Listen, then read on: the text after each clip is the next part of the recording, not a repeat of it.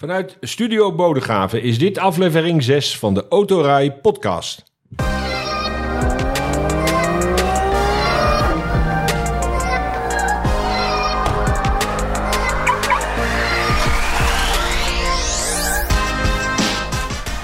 De Autorij podcast is de talkshow over auto's. Autonieuws, actualiteit, alles over auto's en mobiliteit, direct of indirect verbonden met auto's.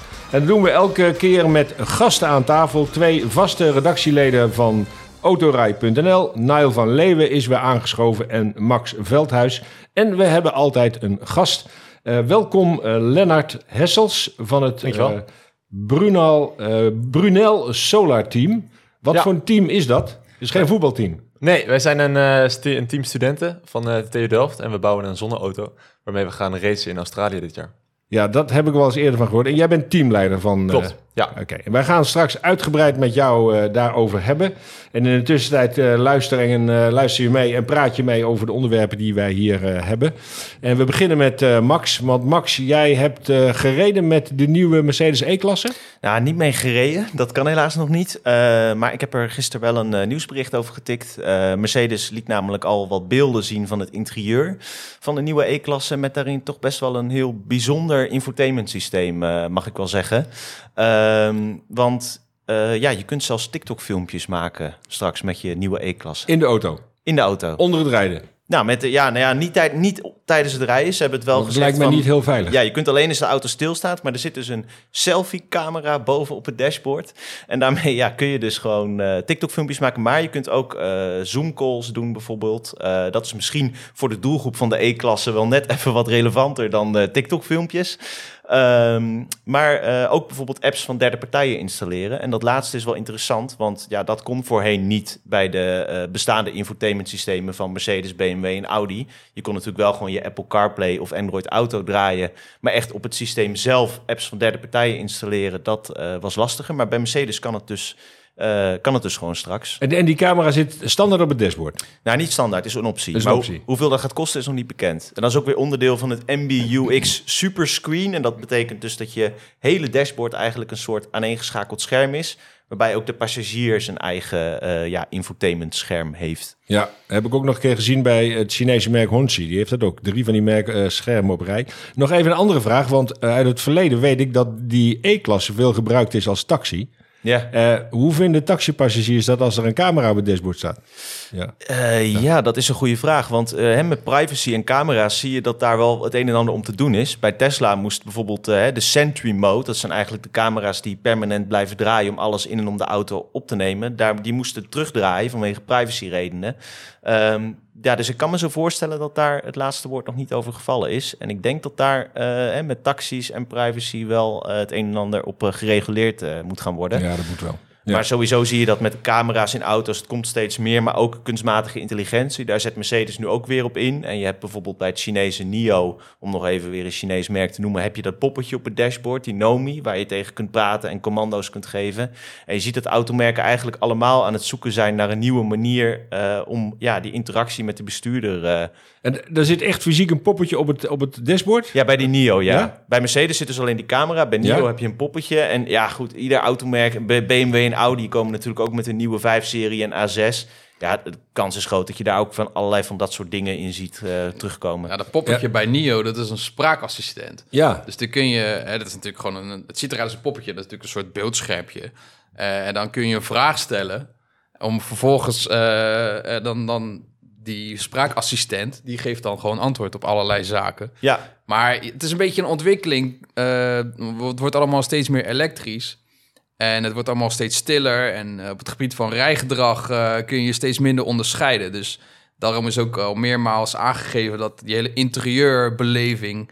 waar natuurlijk zo'n infotainment systeem met die enorme beeldschermen een belangrijk onderdeel van is ja, dat is misschien wel de belangrijkste ontwikkeling in de auto-industrie in de komende jaren. Ja, dus je ziet die schermen steeds groter worden. eerst was dat dat een scherm in het midden.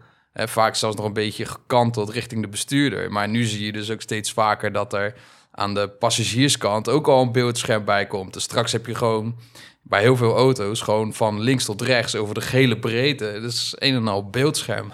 Ja, BMW heeft toch ook zo'n enorm uh, scherm in de, in de 7-serie? Klopt, ja. je zit achterin. Dat, kan, eh, dat is voor de achterpassagier. Dan kan je die uit het dak laten klappen. En dat is volgens mij een eh, dik 30 inch groot scherm. Een beetje een soort ja, bioscoop krijg je dan in je auto. Hoe is het in de solo-auto, eh, Lennart? Hebben jullie ook beeldschermen in de auto of niet? Ja, we hebben hele kleine beeldschermpjes voor de informatie over hoe hard je rijdt, hoeveel eh, er nog in de accu zit. Maar we gaan niet eh, TikTokjes eh, opnemen tijdens het rijden in de zonneauto. Dat is Nee, gevaarlijk. Bovendien denk ik dat jullie zuinig moeten zijn met de stroom. Ja, zeker. Ja. Er, zit, eh, er zit een ventilator in de, de auto, maar die staat maar eh, sporadisch aan, want dat eh, kost natuurlijk ook weer allemaal stroom. Ja, ja, ja. Interessant, interessant. We gaan eh, zo verder praten over eh, jouw auto. Want ik ga eerst even naar Nile. Eh, we- ja, het is tegenwoordig allemaal elektriciteit waar het over gaat. We hebben Ja. het niet zo even over vervuilende benzineauto's tegenwoordig. Dat is wel een beetje jammer. Maar goed, eh, het is nou eenmaal het nieuws. En we bespreken in deze podcast het nieuws van de afgelopen weken.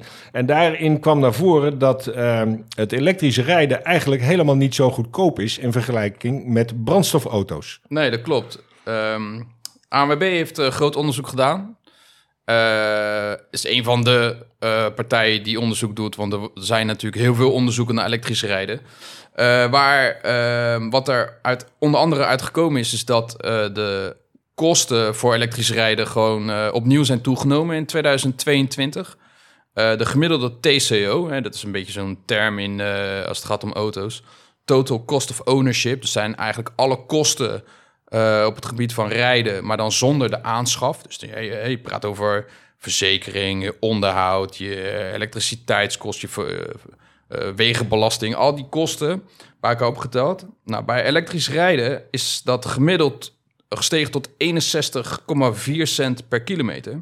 Maar dat is slechts 0,2 cent per kilometer voordeliger dan een benzineauto. Dus je ziet dat het steeds meer naar elkaar toe kruipt, omdat elektrisch rijden gewoon duurder wordt. Nou, het heeft meerdere Komt ook door de elektriciteitskosten, toch? Onder andere, maar het komt ook doordat ehm, de, eh, ja, op het gebied van onderhoud ehm, blijken elektrische auto's wel voordeliger te zijn dan benzine- en dieselauto's, maar niet zo voordeliger dan eh, in eerste instantie werd beloofd.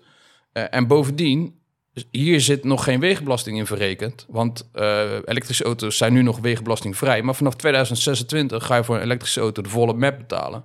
Eh, en dan is die 2 cent, eh, dat 2 vers- cent verschil, wordt natuurlijk eh, door de toename van wegenbelasting. Ja, dan stijgen die kosten nog verder.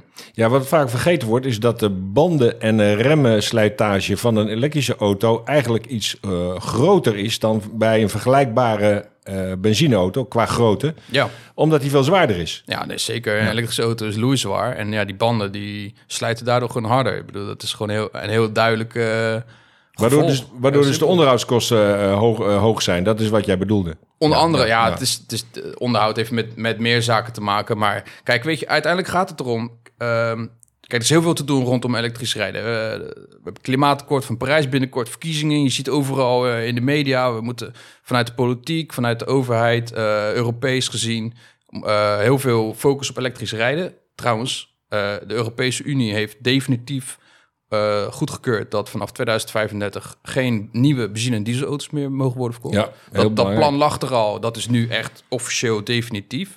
Dus dat is eh, over 12 jaar. Eh, maar goed, als je dus kijkt naar die hele ontwikkeling, hoe het nu aan toe gaat.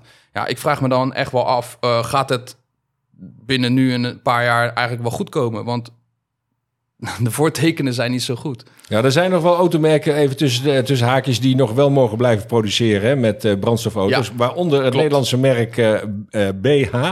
Mooi, mooi merk, hè? Brothers Huet.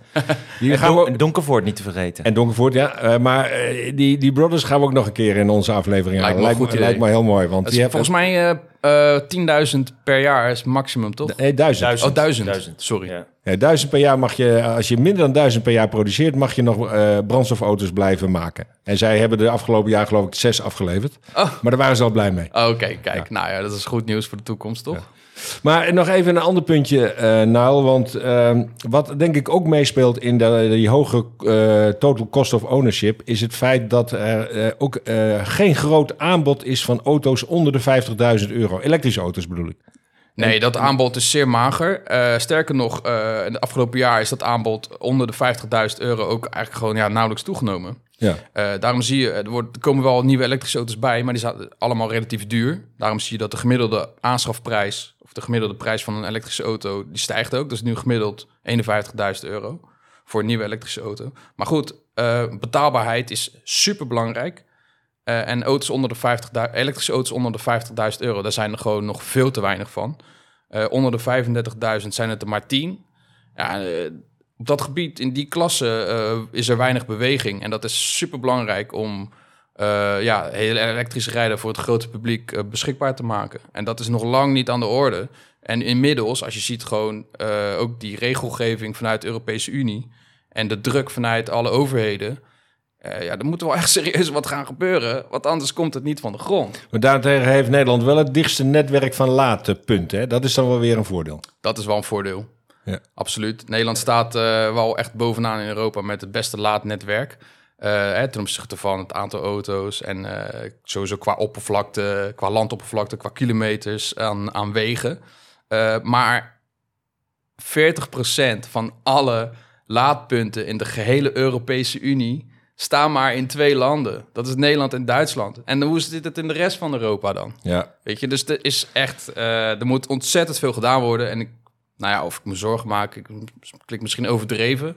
Maar ja, je maakt je wel een beetje zorgen. Het tempo ligt gewoon zo laag. Uh, ja, maar je kunt ook uh, nu met het bestaande elektriciteitsnet, daar heeft onder meer uh, Rijvereniging ook een uh, LAPA-alarm voor afgegeven. Al ging dat meer over het vrachtvervoer. Maar dat moet natuurlijk ook nog geëlektrificeerd worden. Dus als je en de auto's en de vrachtwagens hebt. En dat moet allemaal op dit huidige elektriciteitsnet. Ja, daar gaan we het misschien zo nog even over hebben met zonne-energie. Want je moet ook gaan zoeken naar andere manieren van hè, energieopslag en energiegebruik. Om ervoor te zorgen dat het allemaal blijft. Uh... Ja, dat elektriciteitsnet is er niet op berekend om nog vele duizenden laadpunten erbij te krijgen op korte termijn.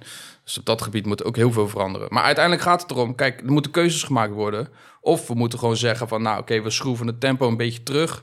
Want uh, we zijn nog niet in staat om het, om het tempo zo hard op te voeren. En het is een beetje, een beetje tegenstrijdig nu wat we vanuit de overheid en wat we nou eigenlijk willen, maar wat er werkelijk gebeurt. Daar zit echt een groot verschil tussen.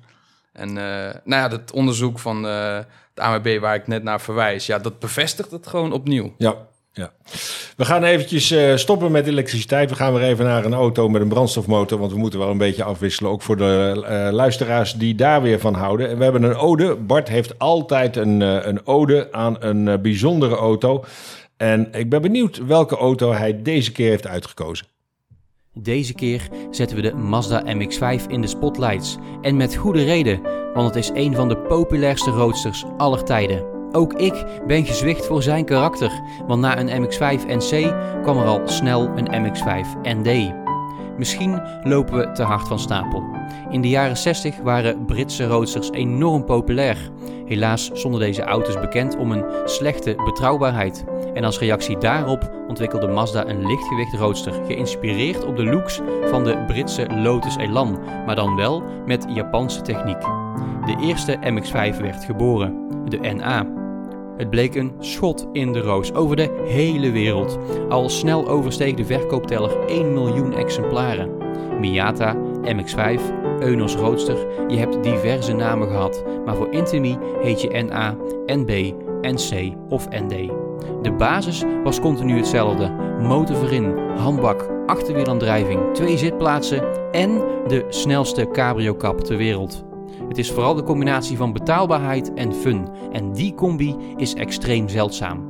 En Mazda lukt het keer op keer om die balans perfect te krijgen. Op en top rijplezier voor een zacht prijsje. Hopelijk blijf je in de toekomst bestaan, want je bent te leuk om te vergeten.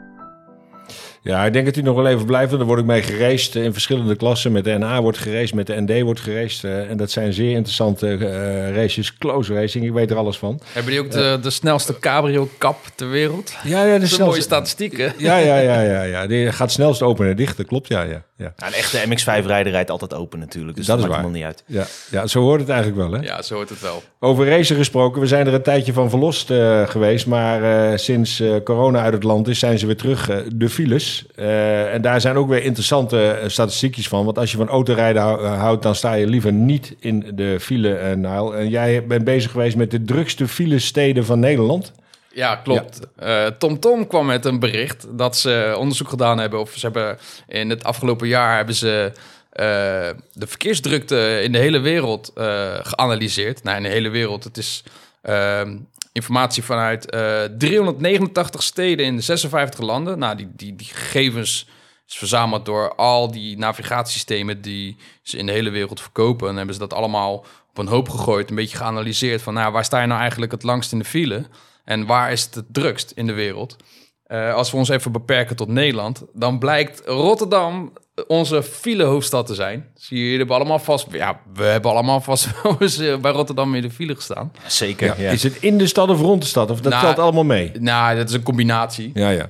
Eh, het gaat natuurlijk... eh, ring, de ring hoort er natuurlijk wel bij. ja. En daar sta je dus gemiddeld 42 uur per jaar sta je bij Rotterdam in de file. Eh, gevolgd door Den Haag. Daar sta je rond ongeveer 40 uur per jaar in de file. Nijmegen, Haarlem en Eindhoven. Dat is de top 5 van de drukste filesteden in Nederland. Maar dat is dan wel grappig, want ze hebben het dus wereldwijd eh, gemeten.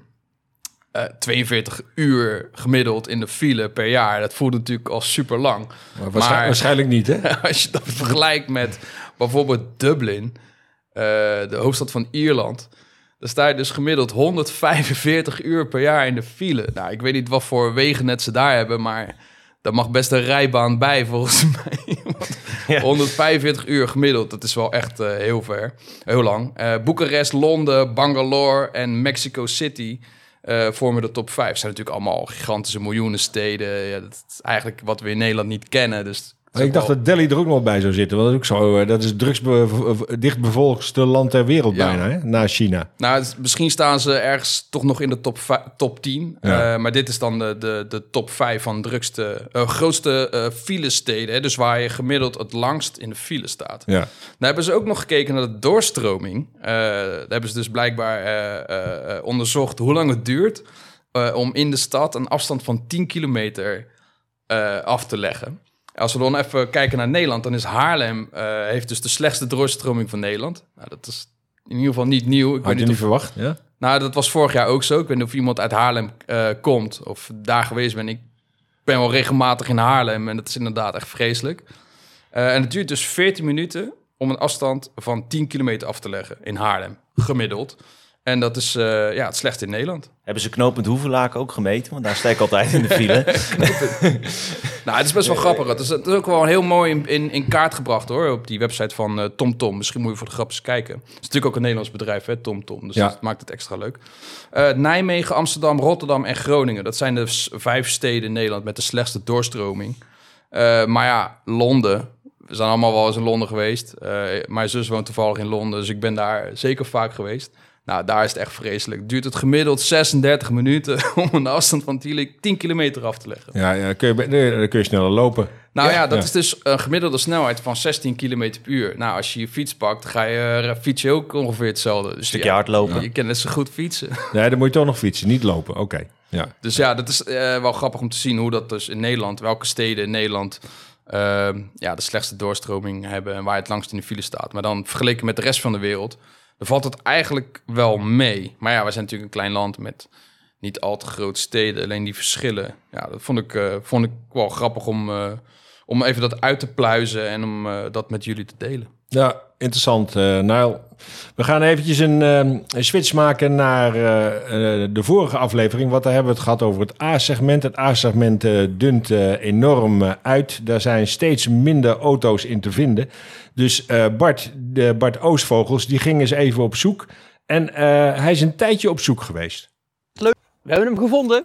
De sleutel van de, komt ie, goedkoopste auto van Nederland. Dames en heren, dit is de Mitsubishi Space Star. Natuurlijk, er bestaat ook een Renault Twizy 80 en dat is op papier ook een auto. Maar ja, ik vind dat persoonlijk geen volwaardige auto. Deze Mitsubishi Space Star is echt de goedkoopste volwaardige auto van Nederland op dit moment. Eh, en ik vind dat toch wel persoonlijk eventjes schrikken, want de goedkoopste auto in Nederland kost dus op 10 euro na 16.000 euro. Waar is de tijd gebleven dat je nog een auto kon kopen in het A-segment voor minder dan 10.000 euro? Dat is echt al jaren geleden. Momenteel is 16.000 euro het goedkoopste wat je kan krijgen. Ik vind het echt shocking. Hoe komt dat? Ja, drie letters. Weer die drie ellendige letters. BPM. Eh, die BPM wordt bepaald op CO2-uitstoot. En dus betaal je voor deze ja, A-segment 5 hatchback toch nog wel relatief veel geld. De tweede auto in die lijst is de Hyundai i10. Die kost 16.595 euro, even uit mijn hoofd. Scheelt dus 600 euro met deze Mitsubishi Space Star. Maar ja, dan nog. Ik vind het echt gekke werk op dit moment in Nederland. Helemaal als je kijkt naar België of Duitsland. Daar kan je nog zo'n Space Star kopen voor ongeveer 10 tot 11.000 euro. Die BPM wordt toch afgebouwd, eh, man, of niet? Uh, weten jullie daar iets van? Ik heb begrepen dat in de loop der jaren die BPM moet verdwijnen... omdat die in Europa gewoon niet meer uh, gehandhaafd kan worden. Nou ja, Daar, is, daar, is, daar is niks van, van terug te zien nog. Nee. Er gebeurt nog niet veel meer. Dat is nog steeds heel hoog. Nee, en het wordt ook hoger, omdat die, uh, die schalen van die CO2-uitstoot, die worden ook steeds strenger. Maar auto's gaan netto niet echt minder uitstoten. Het blijft een beetje hetzelfde.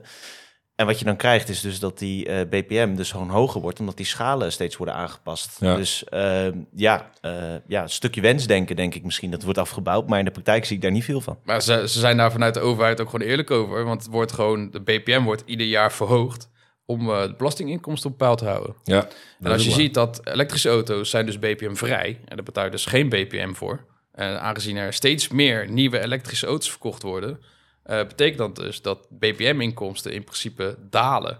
Uh, maar ja, de overheid zegt gewoon, daar zijn ze gewoon eerlijk over. Voor je luister, uh, wij hebben die inkomsten ook nodig. En mede daardoor wordt de BPM ook ieder jaar verhoogd. Ja, het idioot is dus eigenlijk dat, ja, Lennetje, ik zag jou net hier aankomen met een klassieke Honda. Uh, die Space Star, de basisniveau, die heeft echt niet heel veel meer spullen dan die uh, Honda. Die heeft geen airco, je moet met je ramen slingeren. Uh, en ik weet niet precies wat er allemaal op of aan zit, maar ja, voor 16.000... voor de kachel? Nou ja, ja. Bij, nog, bijna wel. maar voor 16.000 euro zit er in ieder geval niet heel veel op aan, aan spullen. Nee. Als je kijkt naar dat bedrag en wat je voor dat geld terugkrijgt ja, dat, dat, dat loopt volledig uit elkaar natuurlijk. Ja, nou, het is, we hadden het de vorige keer ook over in de vorige podcast. Kijk, er wordt natuurlijk ook vanuit de overheid gezegd van ja, we willen auto's die relatief veel uitstoten, willen extra belasten. Juist om mensen te stimuleren om zuinige en milieuvriendelijkere auto's te kopen. Maar in werkelijkheid ja, werkt dat niet echt. Nee, mensen gaan juist youngtimers importeren. Nee, maar ook als je ziet het, het aantal luxe auto's dure luxe auto's met gigantische eh, krachtige motoren die gewoon heel veel CO2-uitstoot uh, eh, produceren. Daar worden er ieder jaar meer van verkocht. Ja. Rolls-Royce, uh, ja, maar dat is, dus, Ferrari. Dan is er te veel geld in de wereld. nee, nou, dat bedoel ik. Maar dat zijn wel categorie auto's die het meeste uitstoten van, van allemaal. En daar worden er alleen maar meer, meer, meer van verkocht. Dus weet je, dat werkt niet. Ik, ik, ik kap het even af, jongens, deze discussie over BPM, want we worden er allemaal niet vrolijk van. We eindeloos over doorgaan. We gaan even naar een, een, vrolijk onderwerp, want ik, er was uh, uh, toch wel een beetje goed nieuws uh, uit Helmond, waar Lightyear zit, Max. Ja, klopt. Vertel. Nou ja, goed. Uh, vorige uitzending uh, hebben, tenminste, daar was ik zelf niet bij, maar hebben jullie het ook nog over, over Lightyear gehad. Uh, het faillissement. Maar er is nu dus goed nieuws, want er komt een doorstart aan. Um, in ieder geval kunnen ze voorlopig even verder, want er is door een groep investeerders 8 miljoen euro opgehaald om in ieder geval de tent voorlopig nog even open te kunnen houden. Uh, ik heb begrepen uit uh, berichtgeving van uh, diverse media dat in ieder geval 100 medewerkers hun baan waarschijnlijk kunnen behouden. Dat is wel iets minder dan het oorspronkelijke personeelsbestand van ruim 600 medewerkers, ja, volgens mij. Ja. Um, en er wordt ook gezegd, hè, door een woordvoerder van Lightyear werd gezegd dat de acute crisis nu voorbij is, mhm. maar dat dit tegelijkertijd ook pas het begin is. Want met die 8 miljoen euro gaan ze die Lightyear 2, die auto die ze dus willen produceren voor de massa, ja, dat ga je niet met 8 miljoen euro kunnen, kunnen financieren. Daar is echt heel wat meer voor nodig. En uh, dat zeggen investeerders ook hoor. Want uh, er zijn nog significante uitdagingen volgens InvestNL. Dat is eigenlijk de grootste investeringsmaatschappij op dit moment in, uh, in Lightyear. Um, maar ze zeggen ook dat er grote mogelijkheden nog steeds zijn voor het bedrijf. Wat, wat denk jij, Leonard? Denk je dat het ehm, bestaansrecht heeft? Want jij hebt daar uiteraard een mening over. Ja, ik denk van wel. Kijk, het, ingewikkelde aan, aan uh, bedrijven en concepten zoals Lightyear, het duurt gewoon heel lang voordat zo'n bedrijf echt winst maakt. Dus we bijvoorbeeld kijken naar Tesla. Volgens mij hebben zij 20 miljard nodig gehad voordat zij winst gingen maken. Dus het is heel logisch als je met zoiets nieuws begint, dat het een paar keer fout gaat, een paar keer vallen en opstaan is. En ik denk dat dat bij Lightyear ook het geval is. En dat zien we overal met dat soort nieuwe concepten. Het, moet, het gaat gewoon een paar keer fout, maar dat betekent niet dat het concept aan zich niet goed is. We gaan eventjes eh, naar eh, jouw eh, team, het Brunel Solar Team. Wat is de achtergrond? Waar komt dat vandaan? Hoe is het ontstaan? Het is begin deze eeuw ontstaan. Toen was er een groep studenten die had een film gezien, Race the Sun. En daar bouwde een groep studenten van in, in Australië een zonneauto, gingen ze mee rijden. Toen dachten die studenten van, ja, dat willen wij ook. Maar ze kwamen erachter, het bouwen van een zonneauto is toch wel wat ingewikkelder dan ze hadden verwacht. Dus toen gingen ze naar eh Wubbo Okkels, voormalig astronaut, en die was toen professor aan de TU Delft. Die vroegen ze van, ja, kan jij ons niet helpen hiermee? Want er komt heel veel technische kennis bij kijken en ook best wel wat geld bij kijken. En toen zei Wubbo Okkels, is goed, maar onder één voorwaarde, we gaan voor die winst. En zo is het team ontstaan en sindsdien doen wij al eh, heel wat jaar mee. We hebben ondertussen zeven keer het wereldkampioenschap zonneracen gewonnen. En eh, dit jaar gaan we weer terug eh, naar Australië en hopen sinds 2017, als de laatste keer dat we gewonnen hebben, hopen we weer die gouden plak mee te nemen naar Delft. Ja, net zoals eh, Max Verstappen in de Formule 1 elk jaar een eh, nieuwe auto krijgt met een nieuw type nummer. Hebben jullie ook weer een nieuwe? Ja, wij eh, zijn nu de Nuna 12 aan het bouwen. Dat is de twaalfde zonneauto eh, die we ontwikkelen die naar Australië gaat met eh, allemaal nieuwe innovaties en uiteindelijk beter dan alle zonneauto's die we tot nu toe gebouwd hebben. En jullie zijn titelverdediger. Heb je Eh, vorig jaar gewonnen? Nou ja, de vorige editie in Australië, toen zijn wij helaas vlak voor de finish afgebrand. Het was nog 100 kilometer, alleen toen eh, begaf de accu het. En eh, helaas, terwijl wij eerste lagen, konden we niet finishen. Dus nu ligt de titel bij de Belgen, onze grootste concurrent ook. Maar daarom hopen we nu extra hard dat we nu wel gewoon mogen winnen. Even zonder en, en enorm in details te gaan. Er zijn natuurlijk regels aan die auto's. Want ik noem maar wat, als jij de auto twee keer zo groot maakt, heb je twee keer zoveel zonnecellen, twee keer zoveel capaciteit. Noem een paar essentiële regels. Nou, eh, tegenwoordig is er een maximaal grote zonnepaneel wat je mee mag nemen. Dat is 4 vierkante meter. Eh, en heel lang geleden, bij Nuna 3 bijvoorbeeld, was dat 12 vierkante meter. En die heeft ook een, toen een record neergezet van de snelste tijd finishen ooit. Met een gemiddelde snelheid van 125 km per uur. Dat kan allemaal helaas niet meer. Verder zijn er ook afmetingen eh, waar je je aan moet houden. Allemaal regelgevingen rond hoeveel je mag meenemen qua accu. Eh, we rijden nu op drie wielen. Qua, qua weerstand eh, is dat natuurlijk veel beter dan vier. Zo zijn er allemaal en heel veel veiligheidsregels, want het is natuurlijk ook gewoon wel gevaarlijk. Dus we zijn, in totaal is er een, een regelboek van bijna 80 pagina's aan regels waar we ons allemaal eh, aan moeten houden. Maar nog even één detail dan, schiet eh, nu te binnen nu je het vertelt. Driewieler. Maar als je zegt als deelnemer, ik wil toch vier wielen, dan, dat mag dan niet? Dat mag zeker, alleen is dat vaak niet voordelig, want het Nee, is oké. gewoon meer rolweerstand. Oké, en ik dacht dat dat ook eh, een, ver- een verplichting was. En ehm, waar eh, vindt die race plaats? Is dat op een weg of is dat in een, eh, een platte woestijn? Of waar vindt die plaats? Nee, het is gewoon op de, de openbare weg, de Stewart Highway in Australië. Dan rijden we van Darwin, dat is helemaal het noorden van Australië, naar Adelaide in het zuiden. En daar rijden ook gewone auto's en ook road trains. Dat zijn gigantisch lange vrachtwagens. Die rijden ook super hard en hebben ook een remweg van ongeveer een kilometer. Dus dat is heel gevaarlijk. Maar uiteindelijk moeten we ook met al dat soort mensen de weg delen. Echt waar? En dan eh, gaat het om de snelste tijd? Of, eh, want je, je moet dan racen op de openbare weg, of zeg ik dat niet goed? Nou, we moeten ons natuurlijk gewoon houden aan de snelheidslimieten eh, die daar zijn. Dat zijn op bepaalde plekken 130 km per uur. Maar uiteindelijk gaat het er gewoon om wie er als eerst over de finish gaat in Adelaide. Het is natuurlijk niet echt een, het is niet een sprint, het is meer een marathon. Dus we doen ongeveer vier of vijf dagen over die race. En dan aan de hand van efficiëntie moet je helemaal gaan berekenen met een strategie. Wanneer ga ik hoe hard rijden? Want eh, zijn er nu wolken of is er dus heel veel zon? Eh, en zo ga je in totaal proberen. Je mag die auto, die, die, er valt niks op te laden. Zeg maar. Alle energie die verbruikt wordt tijdens dat rijden, moet puur uit die zonnepanelen gehaald worden. Klopt, ja. Ja. We beginnen de race met een volle accu. En dan is het de, de uitdaging om zodra je over de finish gaat een eh, compleet lege accu te hebben. Ja. Waarbij je moet bijladen door middel van de zon. Hoeveel Maar kilowattuur accu is dat, sorry? Dat verschilt. De, de, de, de, eh, regels gaan niet in op kilowattuur, maar op eh, hoeveel kilo je meeneemt. Oké, Dus afhankelijk van wat voor soort accu je meeneemt, kan je een ander gewicht meenemen. ja, ja. En hoe manage je dan eigenlijk die accucapaciteit? Want je doet er net hè, vier, vier à vijf eh, dagen doe je er dus over. Ehm, ja, hoe, hoe, hoe ga je daarmee om? eh, s S'nachts bijvoorbeeld. Hè? Zorg je dan voor bijvoorbeeld dat je de dag eindigt met een bepaalde accucapaciteit om de volgende dag weer mee verder te kunnen? Dat is allemaal heel erg afhankelijk van de strategie. Kijk, wij, hebben constant weerdata die wij binnenkrijgen. En aan de hand van die, van die weerdata passen we de strategie aan. Zo zijn er ook een aantal momenten per dag dat we verplicht stil moeten staan. En dan gaan we statisch laden. Dus dan zetten we de zonnepaneel op een bepaalde hoek, zodat je zoveel mogelijk stroom kan halen en energie uit de zon. En door constant berekeningen te doen, kunnen we een optimale strategie bepalen. En eh, hopelijk zo hard mogelijk rijden en dus ook zo snel mogelijk rijden. ja. Eventjes, want eh, wat jullie doen is natuurlijk eh, onderdeel van ook onderzoek. Hè? Eh, in, in hoeverre auto's echt op zonne-energie kunnen rijden. Wat Light nu ook gaat doen. Ehm, wat, wat is de toekomst? Gaat het echt lukken, denk je? Of moeten die panelen echt compacter worden en efficiënter worden? Nou, wat ik, ik, ik denk, wat, wat goed is aan wat wij doen, is wij, wij bouwen een auto die puur gebaseerd is op efficiëntie. Dus alles wat wij doen, we, we halen zoveel mogelijk gewicht eruit. Eh, en met elektrisch rijden ben je natuurlijk ook bezig met efficiëntie, want je wil zo ver mogelijk komen op een bepaalde accu. En daardoor kunnen bijladen door middel van de zon, dat zou best wel toekomst in zitten. Want uiteindelijk wil je zo min mogelijk stilstaan bij een laadpaal of dat soort dingen. Dus door op auto zonnepanelen te plakken en tijdens het rijden eh, bij te laden, kan je je auto veel efficiënter maken.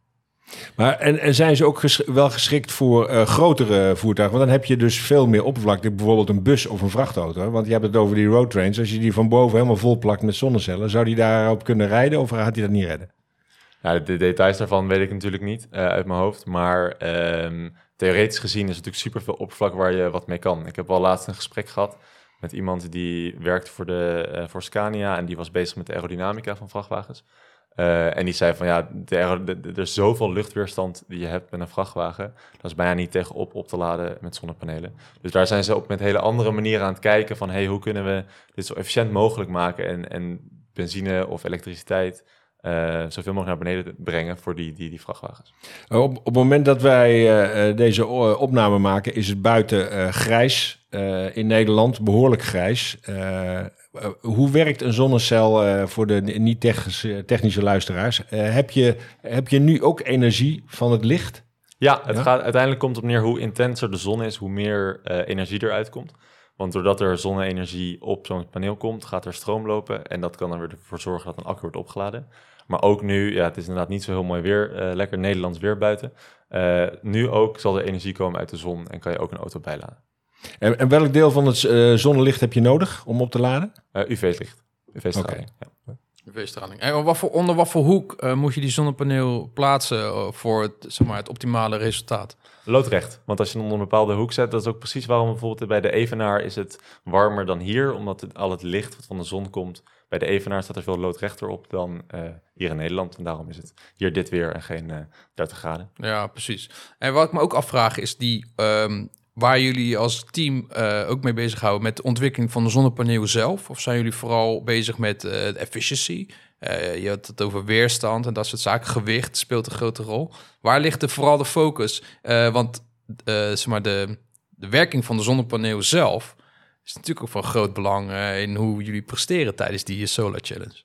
Ja, het, het ingewikkelde is, is dat je moet eigenlijk op alles moet je heel goed doen. Dus we kunnen wel een heel goed zonnepaneel hebben, maar als we ondertussen een, een minder goede accu hebben of een, een, een motor, een elektrische motor die heel veel stroom trekt, ja, dan win je alsnog niet. Dat is Mhm. het ingewikkeld. Dus we moeten op al die dingen moeten we heel erg efficiënt zijn. Ja. Dus samen met partners ontwikkelen we zonnepanelen, waarbij we de beste van de beste zonnepanelen uit een batch halen en die zelf gaan produceren met de hand, om ervoor te zorgen dat alles zo goed mogelijk werkt en er nergens energie verloren gaat. En dat, Ja. voor, dat is, voor alle onderdelen is dat zo. Dus de hele auto gaan we ook zelf bouwen van eh koolstofvezel.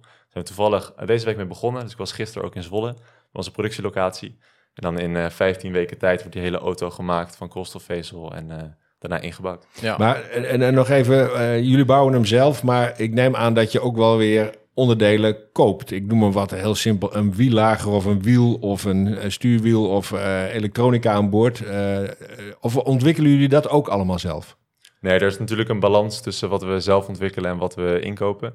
Eh, uiteindelijk eh, proberen we zoveel mogelijk zelf te maken en zelf te ontwikkelen, want dan weten we hoe het werkt. En dan weten we ook zeker dat het goed werkt. Maar het heeft geen zin om alle, alles zelf te, te bouwen en te ontwikkelen. Dus dingen als lagers bijvoorbeeld, die, die kopen we in samen met een partner. En hoe- groot is jullie team? We zijn met z'n 18. 18, eh, is 18 sterk, Eh, fulltime, anderhalf jaar bouwen we die zonneauto. Welke eh, bedrijven, wel- welke industrie is eh, eh, zeg maar het meest geïnteresseerd in, in de ontwikkeling die jullie doen? Komt dat vanuit de automotive industrie? Is dat de zonnepaneelindustrie? Wa- wa- waar, hè, waar- want er wordt er ongetwijfeld meegekeken, er wordt gesponsord, er wordt aan jullie getrokken. Er zijn allemaal slimme, slimme koppen van, van de TU Delft. Waar, hè, waar, waar komt het meeste interesse vandaan? Voornamelijk vanuit bedrijven die bezig zijn met het ontwikkelen van duurzame technologieën. Dus inderdaad zoals zonnepanelen of uh, accuceltechnologieën. Want daar werken we heel erg mee samen om, om de beste technologie ook te gebruiken voor onze auto.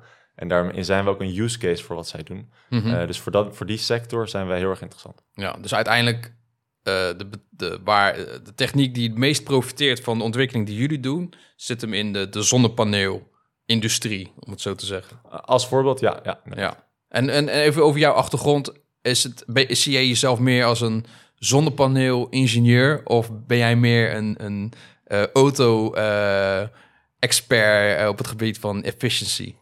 Ja, ik heb zelf heb ik uh, industrieel ontwerpen gestudeerd aan de TU Delft. Dus ik uh, ben geen expert op al die onderdelen eigenlijk. Maar wat, wat, waar, wat ik goed kan en waar mijn kracht ligt... is dat ik over heel veel onderwerpen een klein beetje weet... en over kan meepraten. En dat is ook de reden waarom ik teamleider uh, geworden ben. Ja. Want zo kan ik zowel meepraten met de, de jongens die ons mechanica doen... die bezig zijn met de wielophangingen... als met de jongens die elektronica doen en het zonnepaneel ontwikkelen. Ja. En, en het zijn allemaal leeftijdsgenoten, ongeveer.